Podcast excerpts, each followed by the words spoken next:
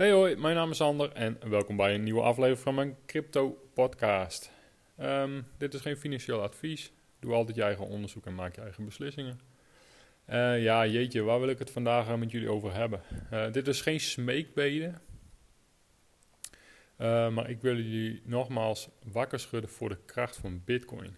En ik denk, de meeste mensen hebben wel eens gehoord van Bitcoin, alleen de meeste mensen snappen Bitcoin niet. En dat is niet erg.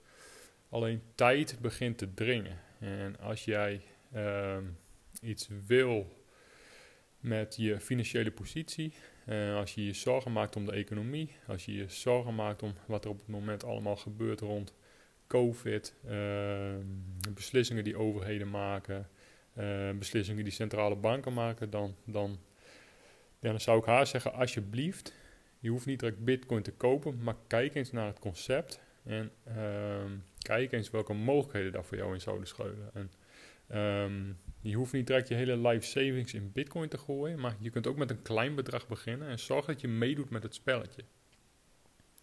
En wat ik in mijn vorige podcast ook al had aangegeven, er is gewoon niet genoeg Bitcoin voor iedereen. Er gaan nooit meer dan 21 miljoen Bitcoins uh, komen. Dat zit gewoon in het protocol.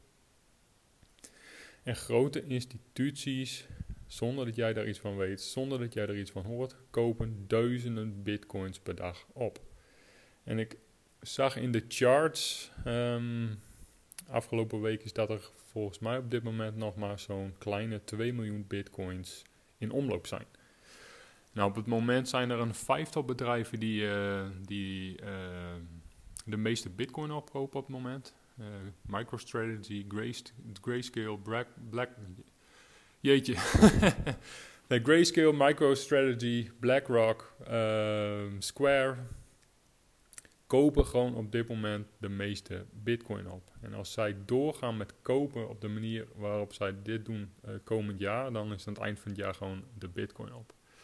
Nou, de verwachting is, dat heel veel meer bedrijven en instituties wakker gaan worden voor de kracht van Bitcoin. En gaan inzien dat zij een uh, groot monetair probleem hebben door op cashgeld te gaan zitten.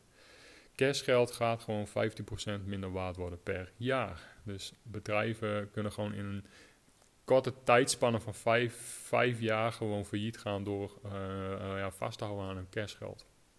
Dus nogmaals, geen smeekbeden, maar maak jij je zorgen om de economie. Uh, ben jij op zoek naar kansen of uh, iets wat je met je spaargeld kan doen? Kijk dan alsjeblieft eens met een open blik naar Bitcoin. En Bitcoin zou dan wel eens een, een, hele mooie oplossing kunnen zijn of een hele mooie mogelijkheid. Alleen wacht niet te lang. Je bent niet te laat, ook al zijn de prijs van Bitcoin op het moment uh, voor je gevoel heel hoog. De totale marktwaarde van Bitcoin is nog steeds relatief laag. Dit is nog steeds een jonge techniek. Uh, maar gaat gewoon een oplossing zijn voor de toekomst en voor de situatie waar we uh, economisch in zitten en ja, hoe wij ons monetair systeem in de toekomst willen, willen bedrijven. Dus kijk met een open blik naar Bitcoin. Um, verdiep je eens. Neem alsjeblieft eens even de tijd om je te verdiepen in, in wat het is en wat het voor je zou kunnen betekenen. En dan ja, de, de buy and hold opportunity, om het zo maar te zeggen, is, is iets wat wij in de geschiedenis van de mensheid nog nooit hebben gezien. Er is geen asset class in de wereld die zo goed presteert over tijd als Bitcoin. Um, ja, dat is gewoon onge ongekend. Dit is gewoon het eerste door mensen gecreëerde, decentraliseerde monetaire netwerk wat monetaire energie kan beveiligen tegen inflatie. Uh, een monetair systeem wat, wat monetaire energie kan storen zonder dat het in uh, waarde daalt. En dat, dat Bitcoin is op het moment gewoon het kostbaarste stukje real estate wat je kan bezitten. Geen goud, geen zilver, geen vastgoed, geen corporate bonds of staatsaandelen of, of